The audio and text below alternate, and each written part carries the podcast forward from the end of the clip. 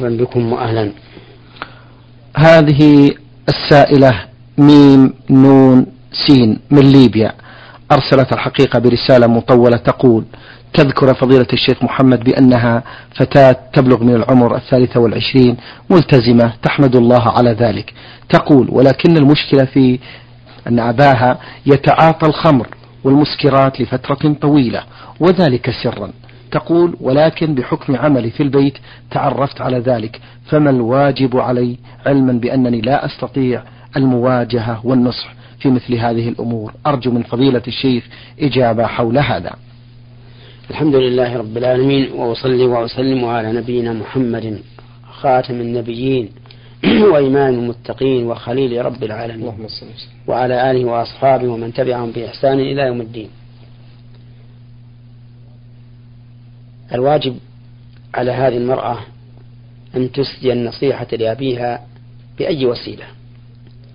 لأن من بر الوالد أن يسدي ولده إليه النصيحة. ألم تر إلى إبراهيم عليه الصلاة والسلام حين قال لأبيه يا أبت لم تعبد ما لا يسمع ولا يبصر ولا يغني عنك شيئا؟ وناصحه. وكذلك نحن يجب علينا أن نناصح آباءنا وأمهاتنا بأي وسيلة. فإذا كانت هذه السائلة لا تستطيع مواجهة أبيها فإن الواجب عليها أن تكتب له كتابا بدون توقيع تذكره بالله عز وجل وتبين له النصوص الدالة على تحريم الخمر وعلى الوعيد على شاربها. فلعل الله سبحانه وتعالى أن ينقذه من ذلك. ولا ينبغي لها أن تيأس من صلاح والدها. فكم من إنسان كان فاسدا فأصلحه الله تعالى بأدنى سبب. والله سبحانه وتعالى مقلب القلوب يقلبها كيف يشاء. نسأل الله لأبيها الهداية ونسأل الله لها الإعانة. نعم. تذكر في سؤالها الثاني فضيلة الشيخ والأخير تقول بأنها فتاة وبحكم علاقتها بالأسرة تقول وبالعائلة والأقارب العديد منهم لا يصلي فكيف يكون التعامل معهم علما بأنهم يعلمون بأن الصلاة واجبة وإنما هو تكاسل فكيف تكون العلاقة معهم؟ العلاقة مع هؤلاء الذين لا يصلون بتاتا المناصحة قبل كل شيء بالكلام وبالرسائل وبالأشرطة الدينية فإن انتهوا فإن الله غفور رحيم. وإن أبوا إلا أن يكونوا على ما هم عليه وجب هجرهم والبعد عنهم لأنهم في هذه الحال لا حق لهم إذ أن تارك الصلاة مرتد خارج عن الإسلام ليس له حق كما قال الله عز وجل لنوح عليه الصلاة والسلام لما قال ربي إن ابني من أهلي وإن وأتك الحق وأنت أحكم الحاكمين وكان ابنه هذا كافرا قال يا نوح إنه ليس من أهلك إنه عمل غير صالح. فلا تسألني ما ليس لك به علم. إني أعظك أن تكون من الجاهلين. فهذا فهذه الحال هي التي يجب أن تعامل بها هؤلاء الأقربين. نعم. بارك الله فيكم. المستمع علي مناور من عرعر يقول هل يجوز لي أكرمكم الله أن أصلي بالأحذية؟ وهل صلى بها الرسول صلى الله عليه وسلم؟ وما هي الحالة التي صلى فيها؟ جزيتم خيرا. الصلاة بالأحذية سنة. سنها الرسول صلى الله عليه وآله وسلم بقوله وفعله. فقد ثبت في الصحيحين عن أنس بن مالك رضي الله عنه أنه قيل له هل كان النبي صلى الله عليه وسلم يصلي بنا عليه؟ قال نعم. وأمر صلى الله عليه وسلم بالصلاة بالصلاة بنا عليه. وقال خالف اليهود صلوا في نعالكم. فالصلاة في النعلين سنة. ثبتت بالقول والفعل. ولكن إذا كان يترتب على هذه السنة مفسدة فإنها تترك من أجل المفسدة. والمفسدة التي التي يمكن أن تقع في الصلاة في النعلين في وقتنا الحاضر هو تلوية الفرش فرش المسجد. وإذا المصلين على هذه الفرش. والمسجد في عهد الرسول عليه الصلاة والسلام لم يكن مفروشا. باللباس بل هو حسب والحصبة تبتلع ما كان في الرجل ويزول ما كان في الرجل مع هذه الحصبة. كما أن بعض الناس نسأل الله لنا ولهم الهداية إذا دخل المسجد بنعليه لا ينظر فيهما ولا يهتم بأسفلهما مع أن الرسول عليه الصلاة والسلام أمر من دخل المسجد في نعليه أن ينظر فيهما. وأكثر الناس يهملون هذا. فمن ثم رأى المشائخ وفقهم الله أن لا يصلوا فيها أي في النعال لئلا تحصل هذه المفسدة. بارك الله فيكم. آه، آخر سؤال في رسالة المستمع علي مناور من عرعر يقول آه، أسأل عن طريقة الذبح في الشريعة الإسلامية وبارك الله فيكم. نعم. آه، طريقة الذبح في الشريعة الإسلامية أن تأتي بسكين حادة قوية وأن تمرها على رقبة المذبوح بقوة وأن تسمي الله عز وجل عند تحريك السكين وأن يبرز الدم وذلك بقطع الودجين والودجان هما عرقان محيطان بالحلقوم وهما الوردان عند كثير من الناس. هذان العرقان عرقان غليظان. يوزعان الدم على البدن من القلب. فإذا قطع ماتت الذبيحة. فلا بد من قطعهما. واشترط بعض العلماء قطع الحلقوم والمري. وقال إن الواجب قطع الحلقوم والمري وأما قطع الوجهين فسنة. والصواب العكس. أن قطع الوجهين هو الواجب لأنه هو الذي به ينهر الدم. وأما قطع الحقوم والمري فهو سنة. فإذا قطع الأربعة فإن الذبيحة تحل بالإجماع. وإن قطع ثلاثة منها أو اثنين منها على التعيين دون البقية فهذا موضع نزاع بين العلماء والذي يظهر لي من الأدلة أنه إذا قطع الوجهين حلت الذبيحة ولكن الأكمل والأفضل قطع الوجهين والحلقوم والمري. بارك الله فيكم. هذا السائل ميم ألف حاء سوداني مقيم في منطقة حائل يقول السؤال الأول أريد توضيحا كافيا عن صلاة التهجد وخاصة مسألة الشفع والوتر لأنني سمعت كثيرا بأن بأنه لا صلاة بعد الوتر. وهل لي أن أؤخر الشفع والوتر؟ أم الوتر فقط إلى ما بعد القيام؟ أرجو من فضيلة الشيخ إجابة مأجورين. التهجد في الليل يعني به السائل القيام في آخر الليل بعد النوم. والسنة في ذلك إذا قام الإنسان من نومه أن يذكر الله عز وجل ويقول الحمد لله الذي أحياني بعدما بعدما أماتني وإليه النشور أو أحيانا بعدما أماتنا وإليه النشور. ثم يدعو بما, بما شاء. ثم يقرأ قول الله تعالى إن في خلق السماوات والأرض واختلاف الليل والنهار لآيات لأولي الألباب الذين يذكرون الله قياما وقعودا وعلى جنوبهم إلى آخر السورة سورة آل عمران. ثم يتوضأ ويستاك في هذا الوضوء وهو سنة في هذا الوضوء أوكد من غيره. ثم يصلي ركعتين خفيفتين. ثم بعد ذلك يصلي صلاة التهجد التي يطيل فيها ما شاء ثم يختمها بالوتر. ركعة يختم بها صلاة الليل. لقول النبي صلى الله عليه وسلم حين سئل كيف صلاة الليل؟ قال مثنى مثنى فإذا خشي أحدكم الصبح صلى واحدة فأوترت له ما قد صلى. هذه صفة التهجد. أما الوتر فالوتر أقله ركعة وأدنى الكمال فيه ثلاث ركعات ووقته ما بين صلاة العشاء إلى طلوع الفجر. نعم.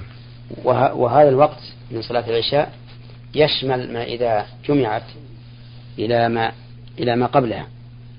فلو جمع الإنسان صلاة العشاء إلى المغرب وصلاها في وقت المغرب فإن وقت الوتر يكون قد دخل.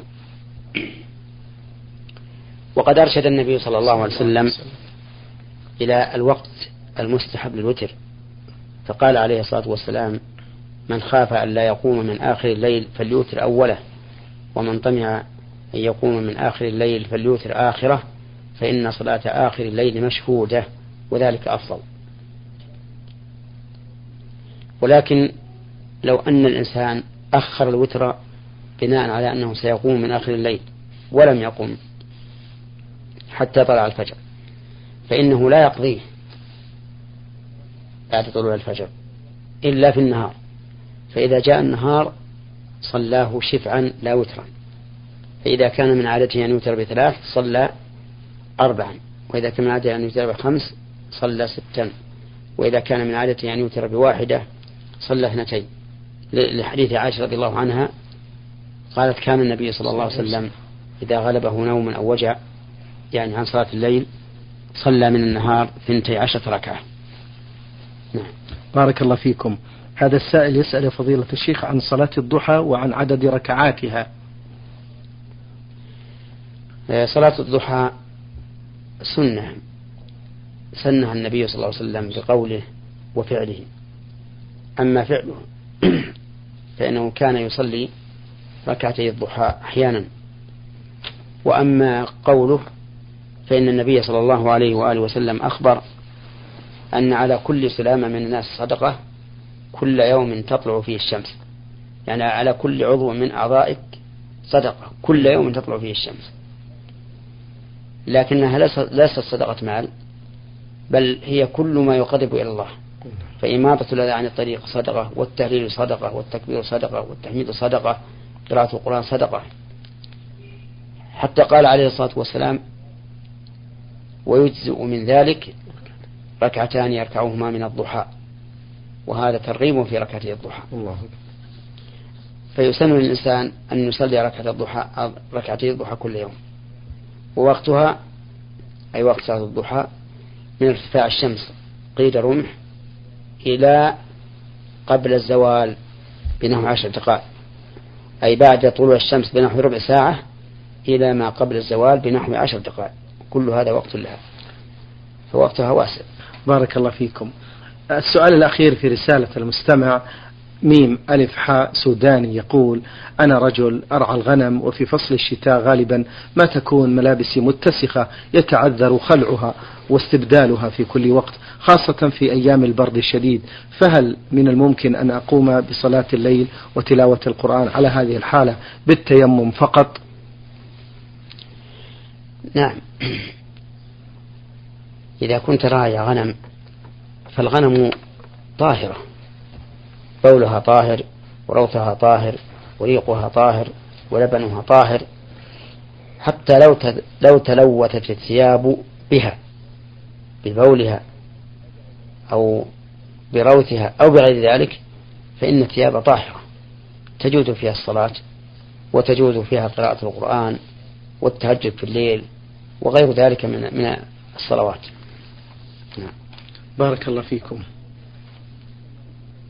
هذا المستمع الذي رمز لاسمه بقاف عين نون يقول تناقشت مع أحد الإخوة وهو يقول بأن لبس الذهب للرجال حلال بحجة أن الرجل الغريب عن بلده يمكن أن يلبسه بثمن كفنه. أفيدونا جزاكم الله خيرا. لباس لبس الذهب على الرجال حرام. لأن النبي صلى الله عليه وآله وسلم قال أحل الذهب والحرير لإناث أمتي وحرم على ذكورها ولأنه رأى رجلا وفي يده خاتم ذهب فنزعه النبي صلى الله عليه وسلم من يده وطرحه في الأرض وقال يعمد أحدكم إلى جمرة من النار في في فيلقيها في يده أو قال فيضعها في يده. وأما قول السائل إنه يجعله في يده من أجل أن يكون كفنه لو مات. فهذا رأي عجيب وغريب. ولا يمكن أن تعارض به السنة النبوية ثابتة عن محمد صلى الله عليه وآله وسلم. ثم إنه ربما إذا مات وأراد أحد أن يجهزه يأخذ هذا الخاتم ويدعه يعني يسرقه من بعد موته. ما الذي يدريه؟ وعلى كل حال فإن هذه علة عليلة بل علة ميتة لا أثر له فلبس الذهب من الخواتم وغير الخواتم حرام على الرجال. نعم. بارك الله فيكم. هذا السائل محمد العبد الله يقول فضيلة الشيخ أسمع بعض الحكايات من أناس كانوا في حالة سيئة من ترك للصلوات وغير ذلك ثم يمن الله عليهم بالهداية والعمل الصالح ويكون ختام هذه القصص أو القصص الوفاة. وهذه القصص توجد في كثير في كتب المتقدمين وحتى المتأخرين مما يجعلني أشك في صحتها أحيانا أرجو الإيضاح في ذلك مأجورين. لا تشك في صحتها. لأن القلوب بيد الله عز وجل. فكم من إنسان على غاية من الفسق والفجور والكفر والشرك والإلحاد يهديه الله عز وجل بكلمة واحدة يسمعها إما من واعظ أو داعية أو ما أشبه ذلك. نعم. وكم من إنسان على العكس يكون ظاهر حاله الاستقامة وأنه ثابت على الحق ثم يختم له بسوء العاقبة. نسأل الله العافية. وفي صحيح البخاري أن رجلا كان مع النبي صلى الله عليه وسلم في بعض غزواته. وكان رجلا مقداما شجاعا.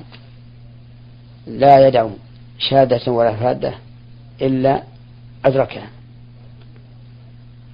وكان الناس يتعجبون من شجاعته. فقال النبي صلى الله عليه وسلم هذا من أهل النار. فعظم ذلك على الصحابة. وقالوا كيف يكون من النار وهو بهذه الحال من الجهاد؟ والإقدام والفروسية فقام رجل فقال والله لألزمن هذا الرجل. فإن النبي صلى الله صلى الله عليه وآله وسلم لم يقل هذا عن عن رجم بالغيب بل هو يوحى إليه. فلزمه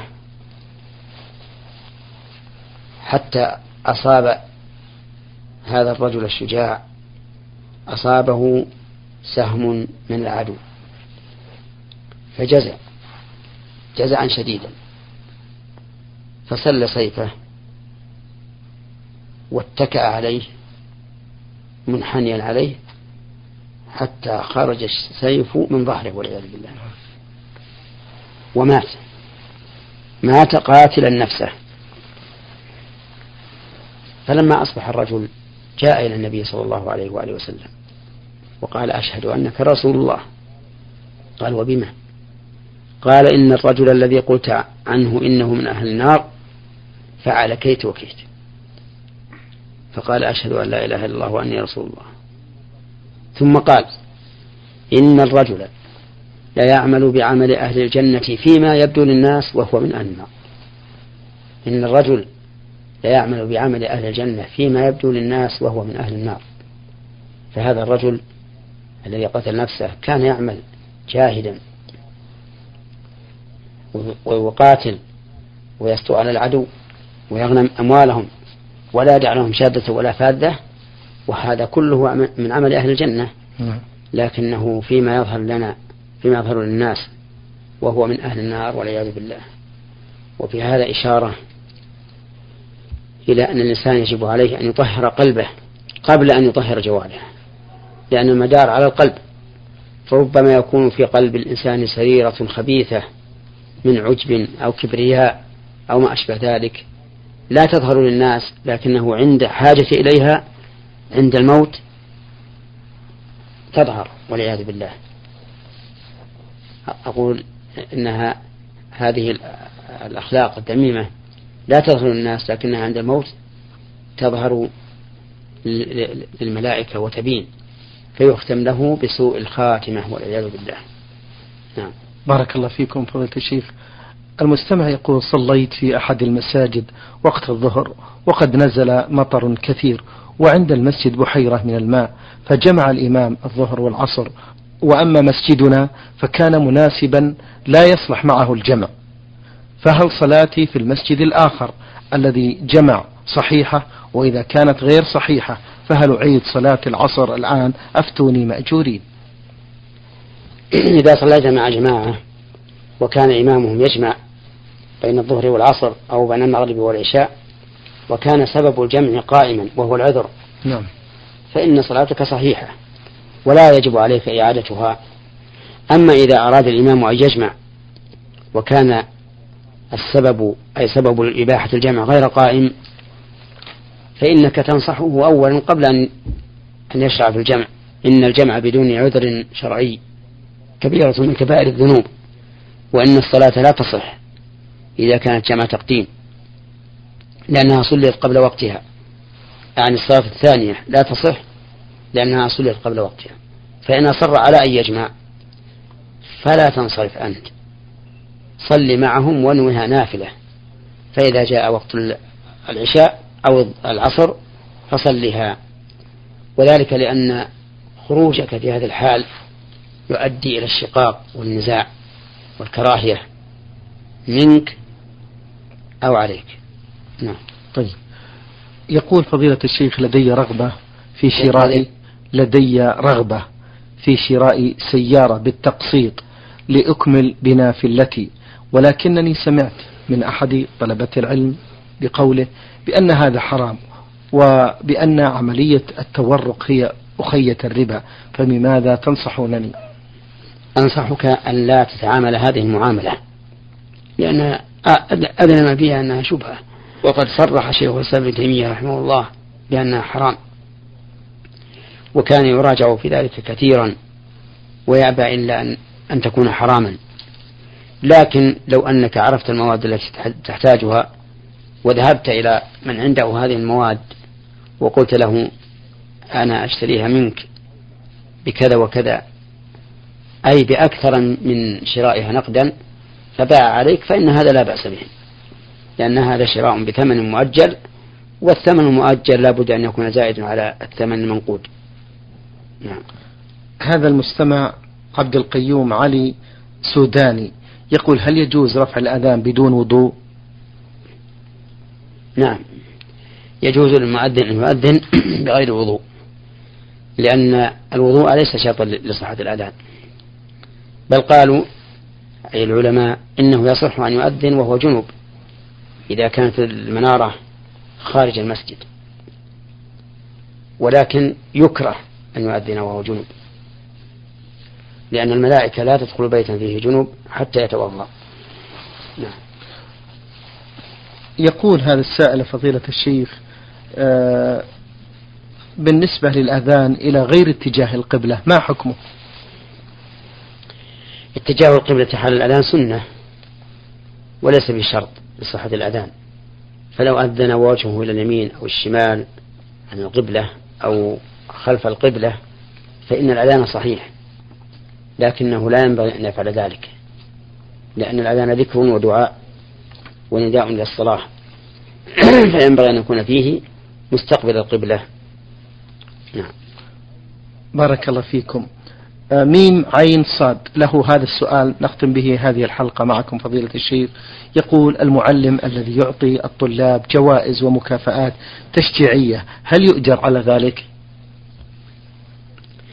إذا أعطى المدرس أو المعلم تلاميذه جوائز تشجيعية حتى يرقبهم في الدرس وينشطهم عليه ويتسابقوا عليه فإنه يؤجر على هذا وهو من من الإنفاق على العلم الذي فيه الفضل لمن فعله. وكان النبي عليه الصلاة والسلام يقول في الغزو من قتل قتيلا فله سلبه. وهذا لا شك أنه طريق من طرق التشجيع. فإذا فعل المدرس أو المعلم هذا من أجل تشجيع الطلاب فإنه يؤجر على هذا ويعود التلاميذ التنافس في الوصول إلى الخير. نعم. شكر الله لكم يا فضيلة الشيخ وبارك الله فيكم وفي علمكم ونفع بكم المسلمين. أيها الإخوة الأحباب أيها الإخوة المستمعون الكرام أجاب على أسئلتكم فضيلة الشيخ محمد بن صالح بن عثيمين الأستاذ في كلية الشريعة وأصول الدين في القصيم وخطيب وإمام الجامع الكبير في مدينة عنيزة. شكر الله لفضيلته وشكرا لكم أنتم. وفي الختام تقبلوا تحيات زميلي مهندس الصوت سعد عبد العزيز خميس والسلام عليكم ورحمة الله وبركاته. نور على الدرب. برنامج يومي يجيب فيه أصحاب الفضيلة العلماء على أسئلة المستمعين. البرنامج من تقديم وتنفيذ عبد الكريم صالح المقرن